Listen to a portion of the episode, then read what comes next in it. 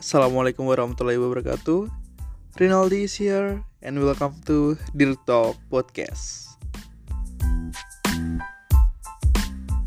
Assalamualaikum warahmatullahi wabarakatuh. Apa kabar semuanya teman-teman sahabat Rusa di mana pun kalian berada? Baik-baik saja ya semoga ya.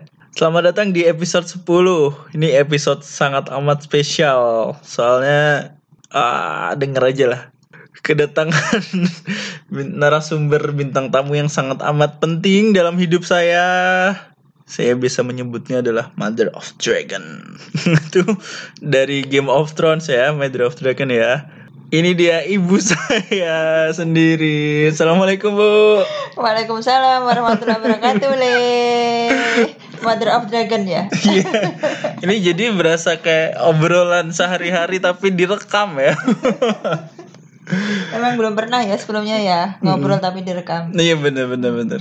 Nih kalau bahasa basi jadi canggung ya masa nanya sehat bu ya kelihatan tiap hari kan ketemu ya kan. Oke. uh, kali ini kita membahas topiknya tentang uh, COVID, COVID dan juga vaksin. Karena seperti yang kita tahu uh, pandemi ini belum berakhir ya, belum menjadi endemi malah juga. Jadi kita harus tetap memproteksi diri, tetap memperkaya ilmu lah, update-update COVID varian terbaru kayak atau vaksin-vaksin, di mana lokasi vaksin, efek vaksin. Jadi bukan hanya untuk jalan-jalan aja. Nah, Ibu ini adalah salah satu perawat ya, Bu. Betul. Kita sama ya, di rumah sakit yang sama ya. Mm-hmm. Di bagian okay. apa, Bu? Di bagian PPI. PPI, apa itu PPI? Oke. Okay. PPI mungkin belum banyak yang mengenal ya. PPI itu singkatan dari pencegahan dan pengendalian infeksi. Okay. Sedangkan saya lebih tepatnya disebut sebagai IPCN, mm-hmm. Infection Prevention Control Nurse.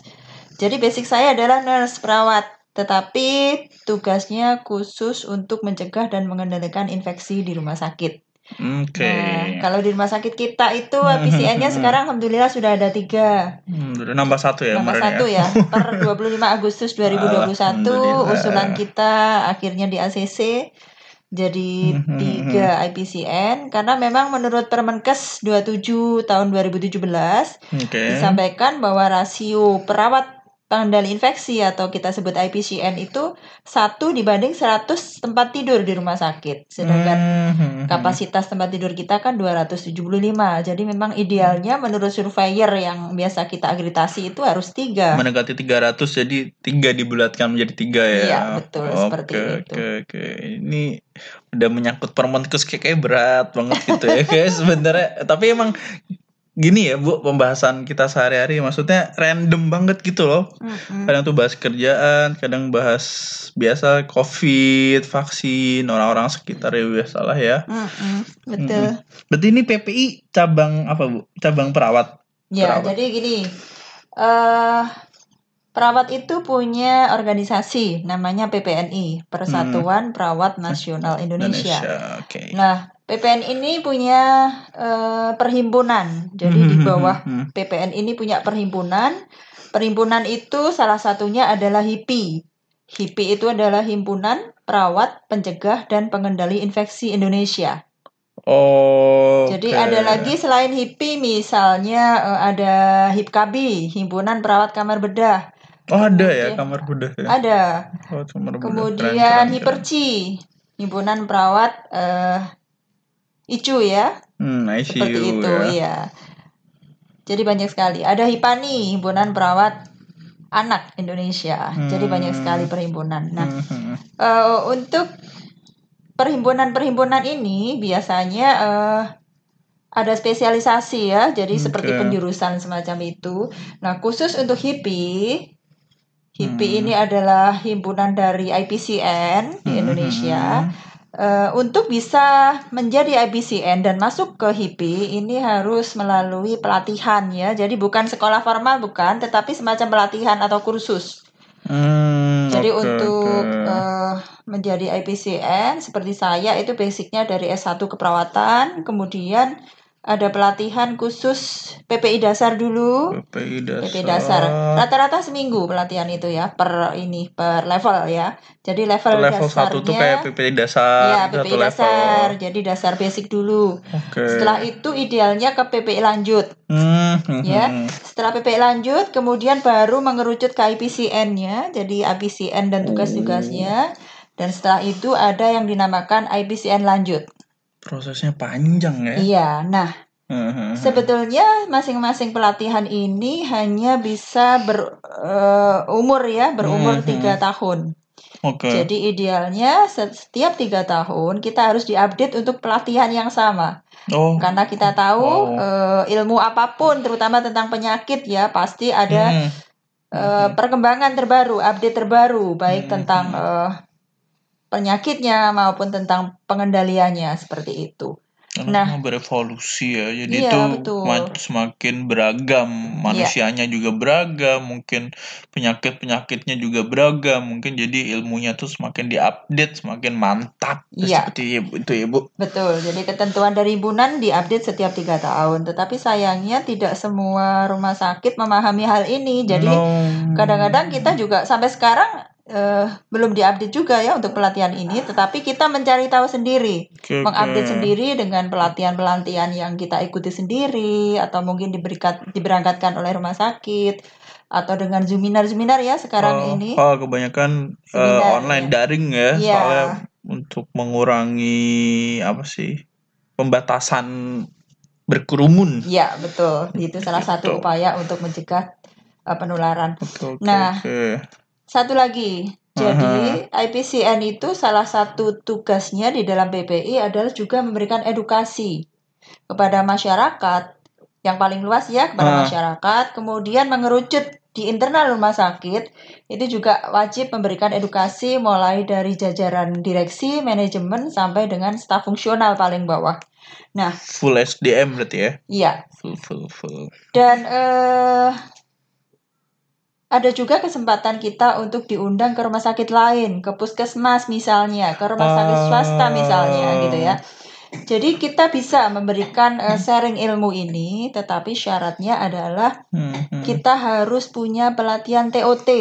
dulu. Oh, Jadi TOT training khusus- of trainer. Betul. Oh. Tetapi TOT yang khusus PPI itu ada sendiri. Jadi tidak asal ikut TOT. Mhm. Oke, oke, oke. Jadi seperti ibu ini sudah eh, sering ya bermitra dengan dinas kesehatan, Hmm. eh, suruh supervisi ya istilahnya kita ke rumah sakit Ini udah swasta melanglang buana ke ya.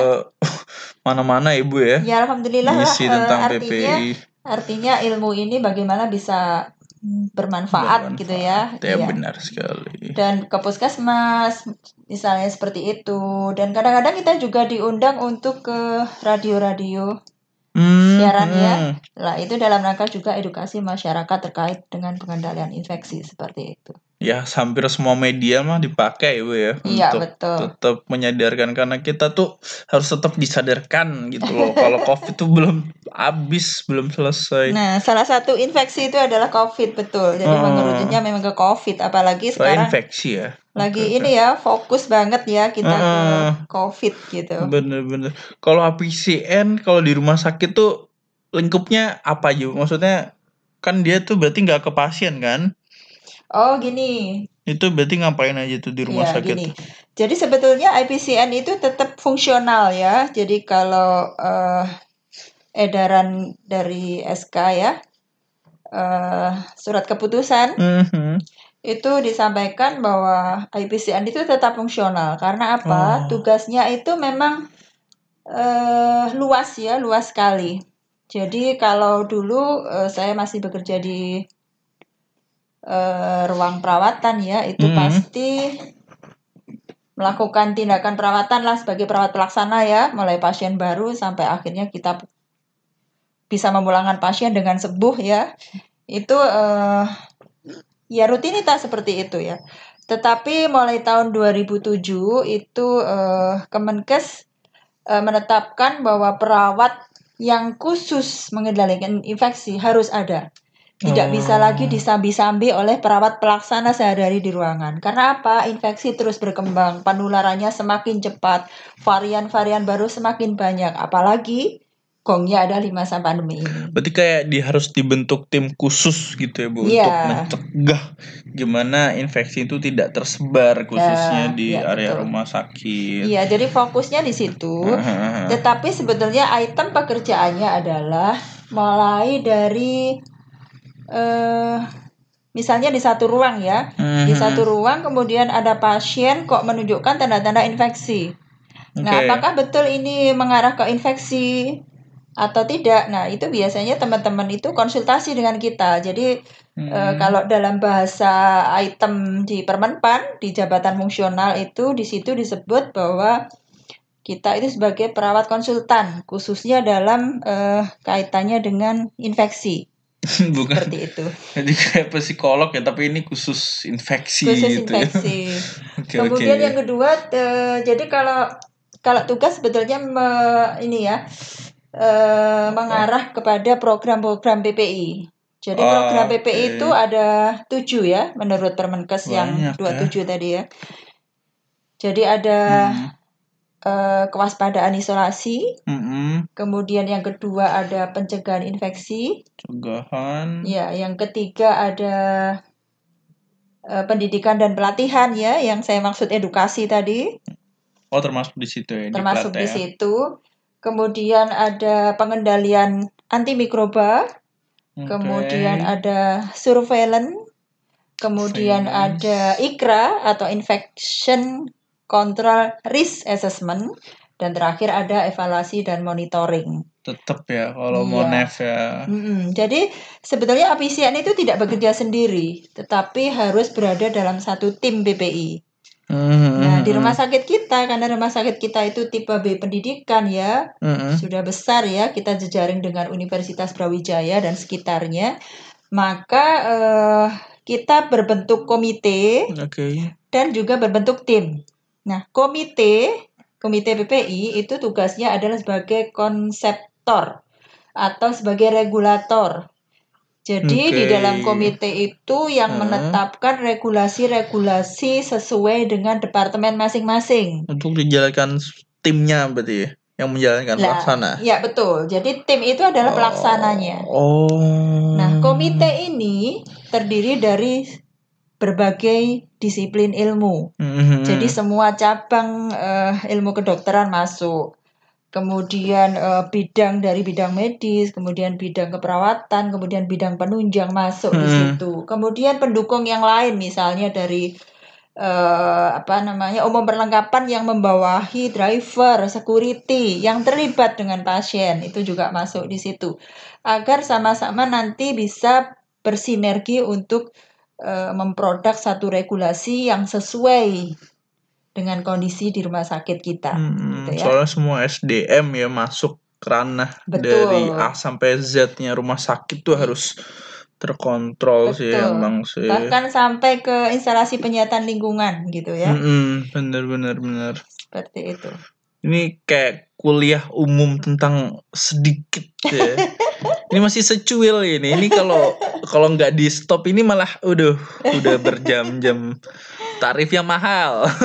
Enggak ya, Oh, enggak lah, enggak lah kita berbagi aja lah. Ya dari Oke. ilmu yang sedikit ini. Alhamdulillah setidaknya kita udah terbuka dikit ya maksudnya Iya. kalau di rumah sakit itu memang ada komite dan tim khusus untuk uh, menangani apa mencegah ya Iya. sebagai pencegahan uh, infeksi-infeksi apa pun itu gitu apalagi sekarang pandemi. Nah, di masa pandemi nih, Hmm. ini supaya teman-teman tahu ya. Jadi apa peran khususnya PCN? Jadi IPCN itu merupakan eh, motornya di dalam BPI, baik komite maupun tim. Kita dua-duanya masuk di situ. Oke. Bahkan kita masuk lagi di satu lagi komite namanya komite eh, eh, PRA ya, pengendalian resistensi antibiotik antimikroba, mohon maaf. Antimikroba. Antimikroba itu antibiotik salah satunya. Antibiotik, anti jamur masuk di dalam antimikroba. Jadi tugas IPCN untuk masa pandemi ini adalah eh mulai dari ini, mulai dari bagaimana eh meredesain ruangan supaya ruangan ini safety ditempati oleh pasien COVID, Mhm. minimal penularannya, baik penularan kepada petugas maupun penularan kepada pasien lain, pengunjung dan juga eh yang lain ya. Itu berarti ngedesain dari kamar biasa tuh nggak bisa langsung itu ya bu? Nggak ya? bisa, nggak bisa Harus- langsung ditempati. Oh. Jadi ada ketentuan ya, kita kita pelajari itu dari seminar-seminar. Jadi alhamdulillah di masa pandemi ini ilmu tak terbatas, banyak yang Oh, free pelatihan-pelatihan itu. Sehingga kami juga mengupdate dari situ. Nah, salah ya tinggal satunya kemauan aja sih ya. betul. Salah satunya yang terkait redesign itu masuk di dalam hierarchy of control COVID. Wow. Jadi gini, di Apa dalam tuh? satu resiko, resiko Mm-mm. apa pun, termasuk resiko penyakit COVID, maka ada yang disebut hierarchy of controlnya. Hmm, Nah, memang oke. berbentuk hierarki ya, seperti piramida terbalik seperti itu. Nah, itu ada lima item, lima poin di situ. Nah, Oke. Tugas kita sangat melekat dengan hierarchy of control itu. Terutama IPCN, karena IPCN ini purna waktu ya, full time ngurusi infeksi tok. Mm-mm. Kalau anggota komite yang lain, anggota tim yang lain itu masih merangkap dengan tugas sehari-hari beliau. Misalnya dokter kandungan, berarti sehari-hari beliau dokter kandungan. Tetapi ada kalanya secara berkala setiap tiga bulan kita rapat bersama seperti itu. Hmm, Tim demikian juga. Biasanya tim itu diambil dari salah satu perwakilan masing-masing unit. Mhm. Jadi yang kita anggap mampu, cakap, bisa mempengaruhi teman-temannya untuk pengendalian infeksi, kemudian eh, bisa ngontrol teman-temannya, itulah yang kita jadikan link kita. Nah, tapi IPCN karena full time purna waktu, maka eh, full di dalam eh, pelaksanaan hierarchy of control ini. Oke oke. Hierarchy of control itu apa saja? Ada yang pertama kita sebut sebagai eh, substitusi. Hmm. Eh, mohon maaf, yang pertama eliminasi, kedua substitusi, kemudian ada engineering control, kemudian ada administrative control, yang terakhir ada. PPE. Apal banget. Dan ngelontok di di luar kepala ini semua. Nah, ini misalnya saya terjemahkan ya, contoh aja ya, contoh ya. Hmm. Apa saja sih dari lima itu yang eh, dilakukan oleh rumah sakit sehingga mungkin teman-teman yang masih takut-takut ke rumah sakit jadi lebih lebih ini ya, apa ya, lebih rasional berpikirnya sehingga bisa memutuskan eh berani ke rumah sakit. Nah, Hmm. mulai dari tadi eliminasi. Kita tugas kita adalah mengeliminasi sumber kuman. Jadi maksudnya apa? Kita tahu bahwa kuman ini berasal dari luar rumah sakit kan? Mhm. Yang notabene dibawa oleh pasien-pasien eh, yang terkonfirmasi. Maka tugas rumah sakit adalah mengeliminasinya dengan berbagai usaha. Salah satunya mewajibkan cuci tangan sebelum masuk rumah sakit. Oh, Nah, jadi kalau kita perhatikan di masing-masing pintu masuk, mulai dari manajemen, Hmm. kemudian poliklinik, kemudian IGD reguler, kemudian IGD COVID. Jadi IGD kita pun harus dibagi dua ya. IGD reguler sendiri, IGD COVID sendiri terpisah. Jalurnya juga terpisah. Jadi terpisah ya antara Terpisah. ruang reguler pasien biasa dan pasien COVID. Iya. Betul. Jadi nggak bisa disatuin tuh nggak bisa. Kemudian di depan pintu Ponek Heeh. dan juga di depan pintu HD. Masing-masing itu ada fasilitas cuci tangan di sana. Ada Hmm, wastafel. Oke, jadi hampir semua titik ada ya. Ada dong, wastafel, nah. terus ada juga apa bu? Hand sanitizer ya? Ya, betul. Termasuk hand sanitizer yang ada di dinding di tempat-tempat strategis. Biasanya sebelum masuk satu ruang itu pasti minimal kita pasang di situ. Selain Hmm. di area perawatan pasien pasti lebih banyak terpasang di Oke, situ oke. gitu ya. Bener, Nah, itu salah satu upaya mengeliminasi sumber kuman. Kedua apa? Harus ada screening suhu minimal. Jadi suhu di atas 37 itu sudah warning. Oh. Ya, artinya kita harus konseling gitu ya. Mhm. Harus kita waspadai seperti itu. Ini biasanya yang lembur-lembur ini biasanya kan mikir kerja tiba-tiba panas ya. Nah, tuh harus dicek itu. ada loh yang kayak gitu. itu ceknya panasnya covid apa panas kerja itu. Serem. Oke. Terus itu ya. Kemudian eh, ini beberapa contoh aja. Kemudian eh, yang kedua substitusi. Jadi substitusi itu penggunaan ini ya, lebih ke penggunaan bahan, kemudian penggunaan alat yang dulu nggak dipakai sebelum masa pandemi. Contohnya kita punya yang paling familiar, teman-teman pasti tahu, alat dry mist. Lah alat dry mist itu dulu sebelum pandemi kita nggak punya. Nah sekarang alhamdulillah rumah sakit ini sangat concern ya. Jadi kita usulkan dan alhamdulillah ACC. Nah, dry mist ini fungsinya adalah membersihkan udara pasca ditempati pasien COVID. Hmm. Termasuk membersihkan udara untuk unit di mana mungkin ada salah satu teman kita yang terkonfirmasi langsung di general cleaning. Itu yang insidentil. Sedangkan yang rutin, setiap periode tertentu, semua unit bergantian di general cleaning Hmm. dan diakhiri dengan dry mist. Soalnya karena kok ini nggak kelihatan sih ya, Nah, jadi itu betul. harus bener-bener Jadi ini rutin adalah berkala. Iya betul. Jadi ini adalah upaya maintenance dari usulan dari Komite PPI dalam hal ini agar kita bisa menjaga eh, apa ya eh, kualitas udara kita, Hmm. kualitas permukaan kita, Hmm. sehingga yang ada di rumah sakit itu semuanya ya bukan hanya petugas, tapi pasien, kemudian pengunjung, pengantar itu bisa safety. Ini upaya kita. Oke. Yang berikutnya tadi ada engineering control. Nah, redesign ruangan masuk di situ. Hmm, Gitu oke, ya. oke. Jadi kita biasanya kalau misalnya ruangan A kita diminta komite PPI, APCN, silahkan datang rapat. Kita akan mendesain ruang A menjadi ruang COVID karena mungkin jumlahnya meningkat, perlu ruangan baru. Nah, kita Aha. tugasnya mendesain di mana desain itu disebut konsep tekanan negatif. Jadi tekanan di dalam ruang itu harus lebih rendah dari udara sekitarnya, dari koridor dan seterusnya. Karena apa? Agar kuman COVID yang ada di ruangan tersebut tidak kuat keluar karena tekanan di situ rendah, tekanan di luar ruang itu lebih tinggi. Seperti itu. Hmm, hmm, hmm. Nah, di rumah sakit ini hmm, salah satu contohnya adalah dipasang alat yang namanya eh, exhaust fan untuk nyedot ya. Kemudian eh, juga ada dipasang eh, kipas pendorong. Jadi kipas itu dipasang di atas pintu kemudian didorong ke arah exhaust fan yang berlawanan sehingga tujuannya adalah ketika ada kuman bisa langsung disedot ke ex- exhaust fan ya, kemudian di dikeluarkan melalui ducting atau cerobong untuk dibuang ke udara bebas di eh, bawah sinar matahari ya kalau siang. Jadi tujuannya agar kuman COVID ini diencerkan di udara luar, kemudian Hmm. dipanaskan oleh sinar matahari dan mati. Karena COVID ini sebetulnya juga eh, tidak tahan terhadap panas. rapuh ya. Ya, Jadi bukan cuma manusia aja, perasaan manusia aja ya. rapuh. Covid juga rapuh. gitu ya.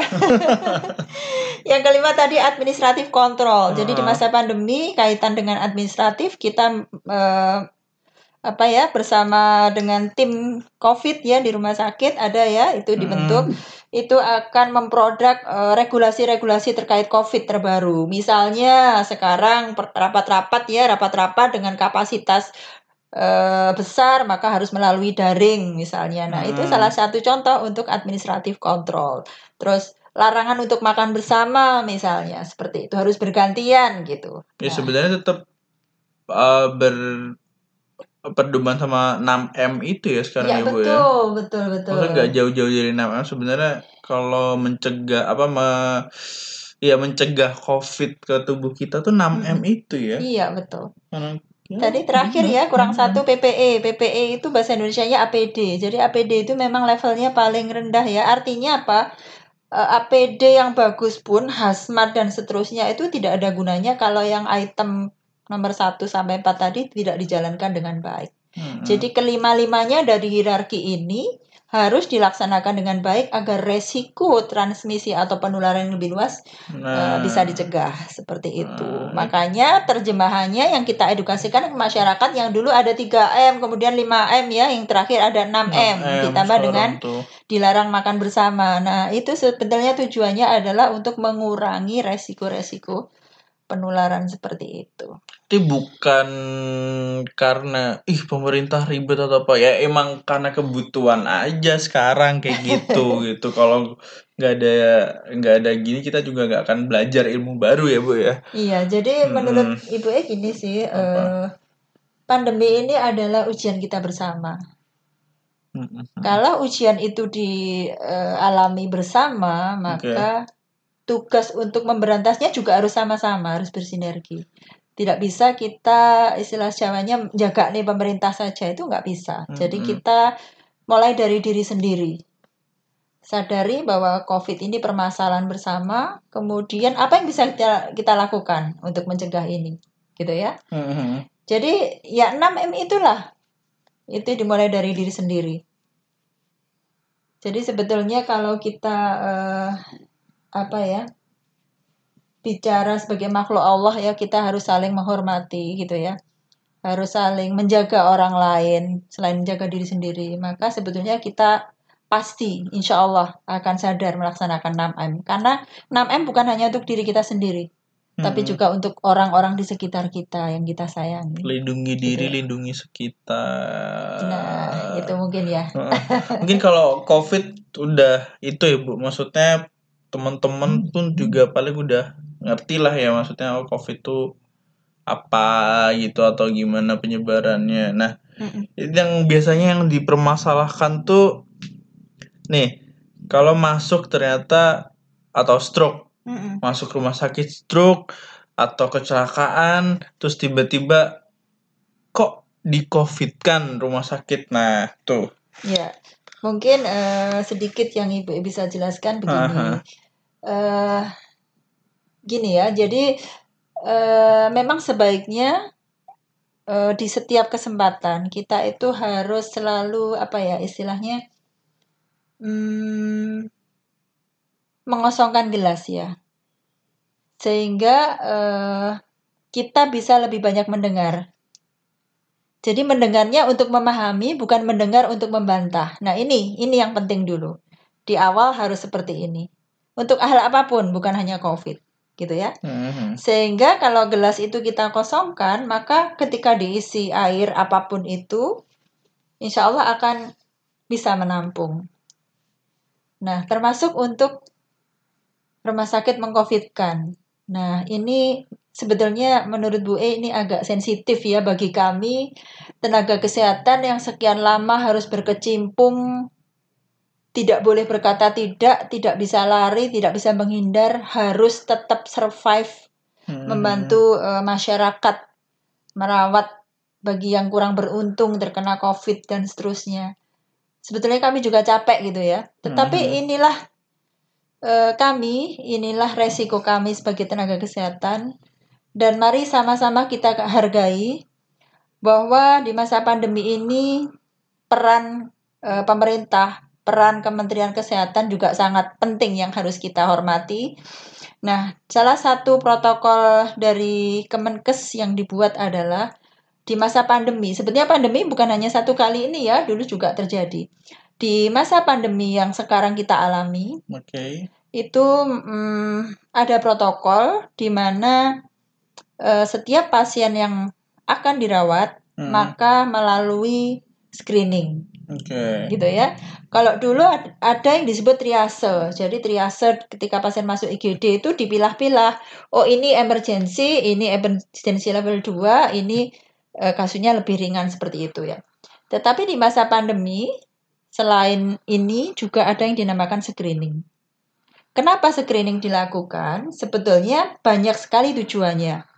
Salah satunya dilakukan karena tidak semua pasien terkonfirmasi itu menimbulkan gejala atau kita sebut OTG. Hmm. Kalau tidak dicek siapa tahu dia OTG atau bukan. Mhm, mhm. Itu kan Benar, benar. bisa benar. diterima ya. Nah, kedua, setelah kita tahu dia positif terkonfirmasi atau tidak, maka kita bisa menempatkan ke ruangan yang sesuai agar apa? Agar semuanya selamat dari kuman yang ada di tubuh pasien ini. Jadi kita isolasi karena bukan orang yang diisolasi ya, sebetulnya mengisolasi kumannya yang ada di dalam tubuh. Bayangkan kalau semua pasien masuk tiba-tiba disuruh masuk tanpa di screening dan banyak yang positif. Ditaruh di semua ruangan seadanya, campur. Bayangkan, kira-kira penularannya lebih luas enggak? Itu yang parah makin parah ya. Nah, Bisa jadi itu. Jadi tujuan kita bukan mengcovidkan ya, tetapi Ha-ha. untuk memastikan apakah dia termasuk OTG, misalnya kecelakaan, apakah dia OTG COVID atau Hmm. tidak COVID. Kalau tidak COVID ya pasti kita tempatkan di ruang kecelakaan yang tidak COVID, yang tidak isolasi. Mhm. Jadi tidak semua pasien itu di COVID kan tergantung hasil pemeriksaannya. Mhm. Nah, Seperti itu. itu, Jadi ya. itu nggak bisa langsung ngejudge oh ini rumah sakit Nah. mengkonfirmkan padahal masuknya mungkin stroke atau kecelakaan nah tapi siapa tahu ke karena dia kecelakaan sebelumnya dia udah OTG membawa virus makanya kan jadi itu ya Bu. Maksudnya bisa di IGD COVID tadi ya semua Iya, kan ruangan betul. IGD COVID. Mungkin kalau butuh operasi jadi juga kamar operasi yang khusus COVID. Betul, iya. petugasnya pakai APD yang level berapa itu Iya, mungkin nah betul, itu betul. pokoknya intinya tuh untuk kesehatan bersama lah. Nggak mungkin rumah sakit tuh ambil untung atau apa. Is, enggak Insya Allah enggak ya, insya Allah ya. enggak Karena semoga aja enggak karena apa pun Semuanya. itu tetaplah kita eh, sudah ini ya terlatih ya, terlatih Mm-mm, untuk menggunakan hati kecil lah untuk eh, merawat sesama Iya. gitu ya. ya kita sama-sama capek sih ya maksudnya mungkin dari nakesnya juga capek dari masyarakatnya yang ppkm Jenuh. dulu juga Mm-mm, jenuh betul, terus sama-sama. banyak yang ke PHK jadi tuh pikirannya tuh runyam Jadi gitu kurang rasional ya. Hmm, bener bener bener Tapi sebetulnya itu ya, eh, kalau saya boleh menggarisbawahi, eh, oke lah, kita serahkan ke ahlinya. Kita jangan merasa jadi ahli semua gitu loh. Yang sewu ya, dalam hal COVID. Dalam hal apa pun juga begitu menurut saya. Jadi kebetulan ini COVID kaitannya dengan kesehatan, kita serahkan saja ke ahlinya, petugas kesehatan. Mulai dari dokter, perawat, dan seterusnya ya, karena yang terlibat banyak, mulai laboratorium, dan Hmm. seterusnya. Kita serahkan ke mereka. Mereka punya ilmu dan terus dibekali, terus diupdate di masa pandemi ini. Hmm, Gitu hmm. ya. Jadi insya Allah kalau kita eh, jernih memandang ini, kemudian kita menyerahkan sepenuhnya kepada yang ahli ya untuk mengatasi ini, kemudian dari sisi ikhtiar vertikal kita terus memohon kepada Allah untuk eh, apa ya istilahnya hmm, ya goalnya supaya pandemi ini cepat berakhir gitu ya. Kita sama-sama ikhtiar gitu ya. tapi itu kalau kita meminta pandemi berakhir maka kita harus ada ikhtiar ikhtiar horizontal itu ya 6M itu tadi harus kita patuhi gitu ya Hmm. jadi jangan kita pengen nyampe ke Jakarta tapi nggak mau naik sepur, nggak mau naik pesawat. Bagaimana kita mau sampai ke Jakarta? Kan gitu kan analognya. Dia nggak tahu sepur sepur itu Sepur kereta itu api ya. Oke, Iya, betul. ya maksudnya apalagi sekarang kan mall, restoran, tempat Mulai buka, makan, ya. bioskop udah mulai buka. Nah, itu Betul. ya jaga diri, jaga bersama lah gitu Mm-mm, lah. betul. Maksudnya kita mungkin OTG tapi orang di samping kita mungkin yang sebelumnya negatif tertular kita dan dia adalah ringkih kan bisa jadi dia yang bergejala ya Bu ya padahal kita yang membawa kumannya padahal dan kita sehat-sehat aja gitu. Mm-mm. Nah itu makanya karena kuman ini tidak terlihat gitu loh. Nah kita jaga bareng-bareng lah gitu. Salah Jadi satunya juga dengan itu apa apa Vaksin ya? ah Oh, oh, vaksin. Nah, oke. Sebelum ke vaksin mungkin kalau Ibu sedikit boleh sharing ya. Mm-mm. Jadi, oke, kita pengen semua merindukan kehidupan normal, semua, termasuk saya juga, gitu ya. Tetapi eh, kehidupan ini belum betul-betul normal karena COVID masih ada, pandemi belum dicabut. Nah, bagaimana kita bijak mensiasati ini? Maka yang paling penting adalah kalau prokes gitu kayaknya ini banget ya. Eh, kayaknya bosen gitu ya dengar prokes, Hmm, prokes, prokes, prokes. prokes gitu ya. Tetapi menurut Ibu E yang paling penting adalah kita harus lebih bijak. Bijak menentukan sikap. Misalnya, saya harus bepergian. Apakah itu harus ataukah masih bisa ditunda? Ataukah harus tetapi dengan durasi yang lebih pendek untuk eh, apa namanya mengurangi waktu interaksi sehingga resiko terpaparnya lebih kecil? Nah, itu kembali ke kita. Jadi artinya kondisi ini eh apa ya? Belum betul-betul normal. Kita harus sadari itu. Resiko itu masih ada. Gitu ya. Jadi misalnya mau bepergian silahkan kalau memang itu harus bepergian, tetapi jangan lupa pakai masker, jangan lupa hand sanitizer bawa ke mana-mana, jangan lupa bawa tisu, Pesan saya, kalau boleh ya, ini pengalaman saya. Jadi kalau pergi ke tempat umum, misalnya kita makan di satu meja ya, kan meja pasti sudah dibersihkan ya sebelum Iya, kita. benar. Tetapi kalau kita bawa hand sanitizer, terutama yang spray, maka silahkan diulangi, disemprot mejanya, kemudian dilap sama tisu atau disemprotkan ke tisu, kemudian dilapkan ke meja yang akan kita pakai. Itu akan semakin memperkecil resiko. Karena apa? Kita tahu bahwa kuman COVID ini kan percikan ya. Jadi bisa jadi saat makan bersama, kemudian ada yang terpercik ke meja, ada salah satu kuman misalnya, kemudian membersihkannya kurang bersih. Nah, kita bisa membersihkan lapis kedua dengan hand sanitizer yang kita bawa tadi, dilap tisu seperti itu. Iya. Cuci tangan. Setiap megang apa pun cuci tangan. Sebisa mungkin tidak megang fasilitas umum kalau tidak harus memegang. Tapi Hmm. kalau harus memegang, sebisa mungkin bersihkan dulu, kemudian kita cuci tangan. Oh enggak Iya. biasanya tuh iseng tuh kalau di mall-mall tuh yang handrail tuh Mm-mm. ya kan biasanya di lantai 2 3 atas tuh kan biasanya hampir lihat ke bawah tuh megang gitu Mm-mm. kan, nempel, lendetan gitu. Ya, kalau itu harus nggak apa-apa, kalau itu harus. Tapi Nah, segera, segera setelah mengakhiri proses naik ya, memegang Hmm. handrail, maka segera cuci tangan lagi. Itu kan nggak bisa kita hindari. Kalau kita nggak megang juga proses naiknya juga nggak safety kan akhirnya, Mm-mm. gitu ya. Jadi silahkan silahkan aja, tetapi setelahnya cuci tangan lagi. Misalnya milih-milih baju, misalnya di mall beli ya. Itu biasanya setelah tuh dipegang keret tuh. iseng tuh Itu biasanya. anak muda banget ya. nah itu silahkan setelahnya cuci tangan lagi. Jadi bijaknya seperti itu, bukan tidak boleh bukan, tetapi kita lebih waspada, lebih hati-hati dan lebih disiplin untuk selalu membersihkan tangan dan memakai masker. Hmm. Mungkin seperti Jadi itu. tetap ya tetap sih ya jaga bersama protokol kesehatan Mm-mm. meskipun bosen tuh jangan bosen karena ini pandeminya belum selesai bung Iya, kawan-kawan semua betul. Bismillah lah. Mm-mm, Dengan kita taat, insya Allah akan ini lah, mm-mm. mudah-mudahan lebih Bu, cepat. kalau- Vaksin ya tadi ya. oh, oh, kalau vaksin vaksin tuh maksudnya bisa vaksin bukan obat sih ya Bukan. bukan obat ya Bukan. itu membentuk antibody kan ya Iya. Jadi gini, Heeh. vaksin.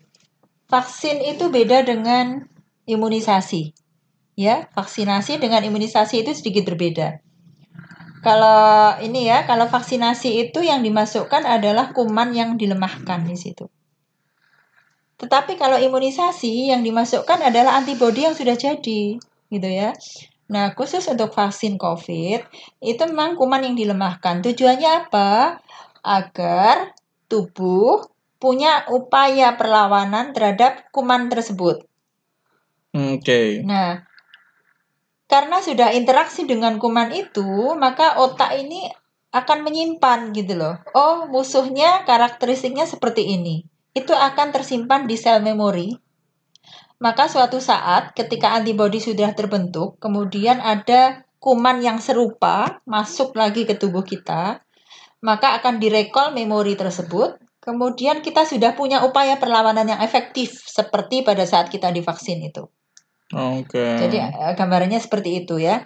Mhm. Sehingga diharapkan dengan divaksin maka eh, resiko terhadap eh, COVID akan lebih rendah walaupun Mhm. tidak 100% ya. Tetapi eh, lebih rendah dan tingkat keparahan bisa diturunkan seperti itu. Oke, pokoknya nggak bukan obat sih ya, bukan, yang Bukan, 100%. Cuma Bukan. emang kalau semama terkena tuh jadi tuh yang jadi nggak parah gitu mungkin ya. betul. Jadi Tentaranya parah. tuh udah ada gitu loh. Jadi tetap ya gunanya 6M dan vaksin ya ikhtiar dan berusaha tuh tetep lah Mm-mm. guys. Jangan jangan kendor. Betul. Nah, vaksin itu adalah salah satu upaya untuk mencapai herd immunity. Pasti sudah sering dengar ya. Mm, herd Nah, immunity. Apa sih herd immunity? Ini adalah eh, imunitas atau kekebalan yang dialami secara massal. Nah, herd immunity ini dapat dicapai ada dua cara.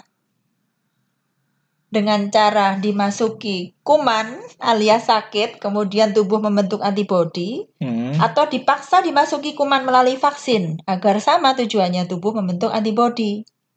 gitu ya. Jadi kalau ada yang sudah punya antibodi karena sakit ditambah dengan vaksin antibodinya tambah kuat lagi, kemudian yang belum pernah terkonfirmasi Hmm. maka di dipaksa untuk membentuk antibodi, maka insya Allah ke depan akan tercapai yang disebut herd immunity ini. Seperti itu. Tapi sekali lagi, vaksin bukan obat ya. Jadi vaksin ini adalah salah satu upaya pencegahan di samping 6M. Gitu ya. Karena Mhm. vaksin itu tidak ada yang efektivitasnya 100%, tidak ada. Pasti ada celah sekian Oke. persen untuk kuman tetap bisa masuk, gitu ya. Hmm. Jadi ikhtiar untuk 6M tetap harus ada Tetap karena plus enggak- vaksin berarti 6M plus V ya Ya, 6M plus vaksin. plus vaksin tetap Karena loh percuma vaksin tanpa 6M dan percuma 6M tanpa vaksin. Itu Jadi- saling melengkapi, saling menguatkan. kayak udah jodoh gitu loh nggak bisa dipisah Nah, itu. Nggak bisa. apalagi sekarang kan vaksin kan mumpung gratis Ya, pemerintah betul. udah menyese- menyediakan di mana pun semua rumah sakit puskesmas terus selain itu juga banyak ya bu ya perusahaan-perusahaan yang Mhm. si CSR-nya tuh mungkin lebih sekarang ke COVID tuh juga banyak kok. Pusat posko-posko vaksinasi ya intinya tetap prokes ya bu. Iya, tetap prokes hand sanitizer tuh tetap bawa dan Betul. dipakai jangan cuma bawa doang. Betul, betul. terus kalau udah habis makan ya langsung pakai masker Iya. terus ngobrol lagi nggak apa-apa. Tetap mengurangi kemungkinan-kemungkinan tadi loh guys Nah, sebisa mungkin juga eh, bubble atau klaster makan itu juga klaster kegiatan membuka masker. Mm-mm. Nah, ini harus seminimal mungkin orang. Karena kita nggak tahu dari di antara kita salah satunya OTG bisa jadi kan. Mhm. Nah, seperti itu. Jadi kalau kita tidak pengen memperkecil resiko, maka perkecil juga potensi yang menimbulkan resiko itu. Oke sih. Gampang banget sih sebenarnya ya. Mm-mm. ya oh, oh, tetap ya itulah pokoknya intinya tuh 6M sama vaksin dah Nah, iya. betul. intinya kalau mau apalagi sekarang tuh kebiasaan tuh masyarakat Indonesia sekarang kan udah turun tuh udah berapa ratus tuh ya dari 51 ribu sekarang tuh udah tinggal berapa ratus tiba-tiba udah banyak yang level 1 terus masyarakatnya lalai terus turun lagi level 3 Mm-mm. apalagi menjelang Nataru Nah, Natal dan tahun baru betul. Itu resiko besar itu. Nah, jadi untuk Nataru mungkin kalau boleh sedikit eh, apa ya eh, perpanjangan lidah dari pemerintah ya eh, bahwa Nataru ini adalah salah satu potensi eh, muncul lonjakan. Kita pasti berharap tidak ingin ada gelombang ketiga kan? Nakes demikian Mm-mm, juga. semoga masyarakat sama gitu ya. Karena itulah ayo kita sama-sama bekerja sama. Ini pemerintah sudah eh, membuat rencana-rencana untuk Nataru, salah satunya sudah hilang ya, cuti bersama sudah nggak ada ya. Kemudian eh, yang kedua eh, salah satu upayanya pemerintah merencanakan akan menetapkan PPKM level 3 untuk wilayah seluruh Indonesia. Nah, Mhm. Jangan disikapi negatif. Tujuan pemerintah adalah untuk memperkecil resiko penularan sekali lagi, gitu ya. Toh tahun baru Natal tidak harus dirayakan dengan di jalan gerumbul-gerumbulan gitu ya. Kita masih tetap bisa di rumah, misalnya dengan keluarga sendiri seperti itu. Jadi tidak harus keluar kota, keluar pulau dan seterusnya gitu ya. Jadi ini Hmm. ayolah kita agak eh, mengendalikan diri, Tetap agak bersabar home. dulu gitu ya Mhm. agar eh, tujuan kita untuk bebas dari pandemi ini eh, segera terwujud ya. Nah, usaha ini harus usaha bersama. Tidak bisa usaha pemerintah tok, tidak bisa usaha masyarakat tok, harus bersinergi. Seperti itu saya rasa. Oke oke. Ini berarti agak itu ya. Ini nggak biasa ini se seformal ini ini bahasannya. Biasanya tuh ahahihi tapi ini karena penting ya. Jadi kayak zoominar kayak. Enggak juga sih ya, enggak tapi juga. emang isinya tuh padat banget kalau membahas covid apalagi covid ya maksudnya membahas kesehatan apalagi covid tuh emang nggak cukup terbatas waktu Iya, banyak betul. lah apalagi ilmu-ilmu banyak sekarang varian juga banyak Nah, oh iya, oh, oh. Jadi terkait ya, dengan vaksin tadi ya. Nah, mm-mm. jadi vaksin eh, antibodi yang terbentuk dari vaksin tadi itu kalau kita grafik itu tidak terus berada di puncak, gitu ya. Hmm. Jadi antibodi yang terbentuk ini suatu saat juga akan turun secara grafik. Artinya apa? Efektivitas untuk mencegah berperang melawan COVID juga akan menurun kemampuannya, walaupun tidak nol sama sekali ya, tetapi menurun, gitu ya. Jadi itu harus kita ketahui. Jadi kenapa ada vaksin pertama, ada vaksin kedua. Nah, setelah vaksin kedua pun, menurut para pakar itu disampaikan ini antibodi ini akan bertahan tinggi rata-rata sampai enam bulan gitu ya. Ada bahkan yang menyebut tiga bulan sudah mulai turun. Jadi tergantung daya tahan kita sendiri, gitu ya. Bagaimana eh, daya tahan itu supaya bisa tetap bagus? Ya salah satunya pola hidup sehat, makanan yang bergizi. Kemudian jangan lupa, jangan hanya itu saja, tetapi olahraga teratur setiap hari. Hmm. Itu juga meningkatkan daya tahan tubuh. Nah, artinya apa? Ketika antibodi itu pada kita ambil rata-rata ya sekitar enam bulan itu mulai turun. Artinya resiko kita tertular itu akan masih ada. Ada lagi. Ya, tetap ada itu. sih, tetap Bu, ya. ada gitu loh. Jadi jangan kita saya sering nemui ya sedih sih sebenarnya sebagai nakes ya kita itu kadang mau edukasi tapi sudah capek juga nggak didengar juga masyarakat lebih pinter kayaknya kadang-kadang kita pernah ini ya ke ketemu orang gitu ya kok nggak pakai masker kan covid udah nggak ada. Kan aku sudah vaksin. Jawabannya pasti gitu ya. Padahal seperti penjelasan dari awal sampai akhir ini bagaimana kalau kita tidak prokes? Apa yang terjadi walaupun kita sudah vaksin? Gitu ya resiko itu tetap ada. Jadi tolonglah ya kita sama-sama bersinergi yuk sekali lagi yuk kita kerjasama agar herd immunity benar-benar terbentuk ya kemudian pandemi ini segera dicabut tapi jangan salah walaupun siklusnya setelah pandemi dicabut maka kita sebut sebagai endemi jadi kasusnya sudah tidak tinggi melonjak tetapi masih ada tidak serta-merta hilang dari bumi ini gitu ya. Jadi tetap ada COVID itu. Karena eh, itu penyakit ya, sudah jadi penyakit kayak SARS, flu burung itu kan walaupun satu dua tapi tetap ada sampai sekarang angka kejadian itu. Nah, itu level-level itu nanti akan kita lalui masa-masa seperti itu gitu ya. Oke oke. Ya kita harap sih eh, semua bersinergi ya untuk Mm-mm. prokes tetap Betul. 6M, Mm-mm. vaksin Betul. juga harus tetap terus Iya, apalagi varian baru ya. hmm, Nah, itu Le. diharapkan ya semoga segera berkurang lah Amin. jadi endemi semoga siapa tahu 2023 udah jadi endemi karena Amin. karena Kalau kita boleh nurut. 2022 dong. Amin. Kalau boleh ya, memohon ya. Ini tinggal sebulan lagi nih, goalsnya banyak yang berubah. Untuk kalian-kalian yang bekerjanya mungkin sekarang udah mulai masuk, Mm-mm. lebih Hati-hati. saat prokes lagi dia karena dulu pernah ada klaster perkantoran ya. Betul. Mm. Karena sekarang harus dijaga lagi. Mungkin sekarang juga lebih itu kantor-kantor juga lebih pintar, mungkin ada dry mist di ruangan Desain juga. ya, ventilasi. Sabtu Minggu gitu. Sekarang kantor-kantor tuh di minim ventilasi soalnya Nah, Bu. Jadi itu yang harus ya kalau udah tahu gitu ya tetap jaga diri sendiri aja sih, guys. Betul. Gitu. Udah.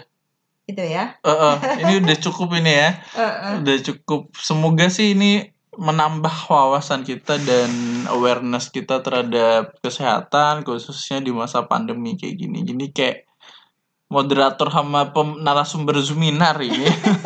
Tapi pindah ke podcast. Iya. Enggak juga. Gitu.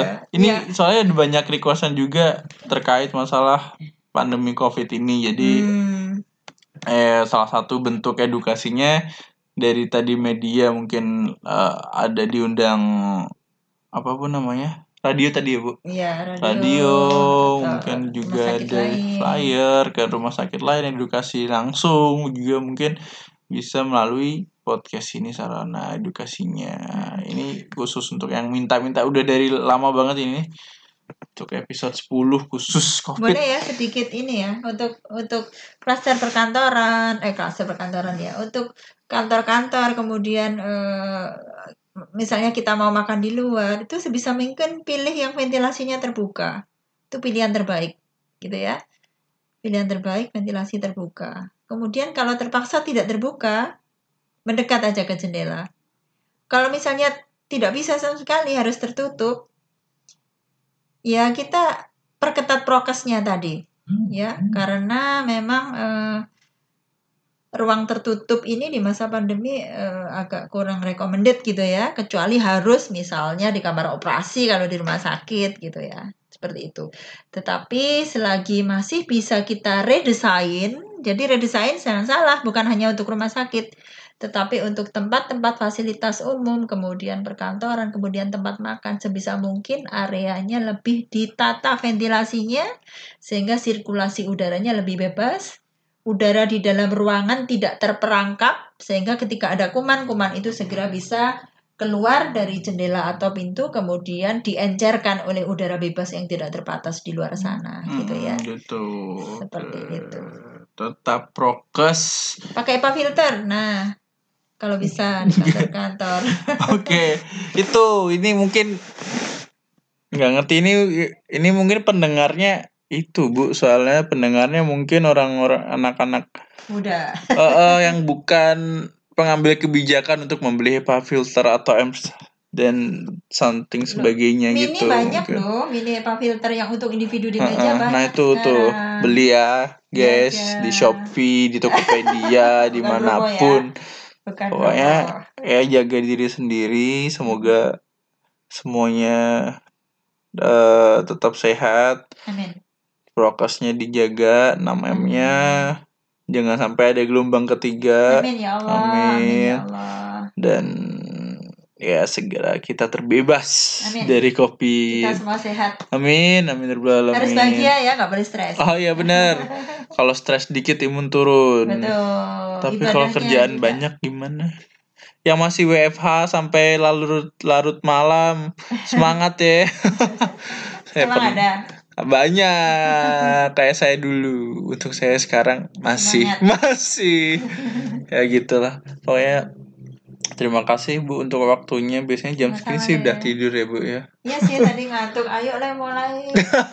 Keburu ngantuk. tadi kebuka keasikan buka Twitter guys maaf maaf teman-teman jadi agak molor itu ini akan tayang di episode 10 sebelum menginjak episode 11 nanti ada sesuatu yang berbeda gitu udah bu mungkin ya Sudah. Mm-mm. Terima kasih banyak kesempatannya.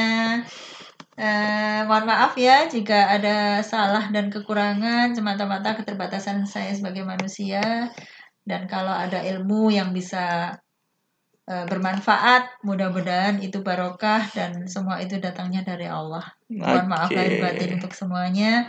Salam sehat dan sukses selalu harus bahagia. Salam sehat, jangan lupa bahagia. Don't Iya. forget to be happy guys. Ya, ya, sip. Demikian Zuminar kali ini gitu. Biasanya Zuminar Zuminar kebanyakan pakai apa? Zuminar tuh jadi apal kalau penutupnya pasti gitu. Itu terima kasih udah mendengarkan. Sampai jumpa di episode 11. Terima kasih untuk Ibu yang udah meluangkan waktunya Sama-sama, Nana. di, di- melebihi jam tidur tapi ini insya Allah berkah. Amin, amin ya Gitu. Allah. Amin Oke. ya Allah. Guys, terima kasih sudah mendengarkan. Semoga menambah ilmu kita. Amin. Terus ini sedikit agak apa namanya formal pembahasan kali ini. Tapi jangan apa ya? Jangan lewatkan. Iya bener jangan lewatkan episode-episode selanjutnya banyak banget masih udah di apa namanya? udah di catatan. Jadi tunggu aja hal-hal yang menarik lainnya. Siapa aja nanti yang bakal dikulik lebih dalam See you on the next episode. Terima kasih. Terima Sampai kasih. jumpa episode 11. Assalamualaikum warahmatullahi wabarakatuh. Assalamualaikum warahmatullahi wabarakatuh. Dadah. Makasih ya, Bu. Sama-sama, Nak. Thank you for listening. Stay safe, stay healthy.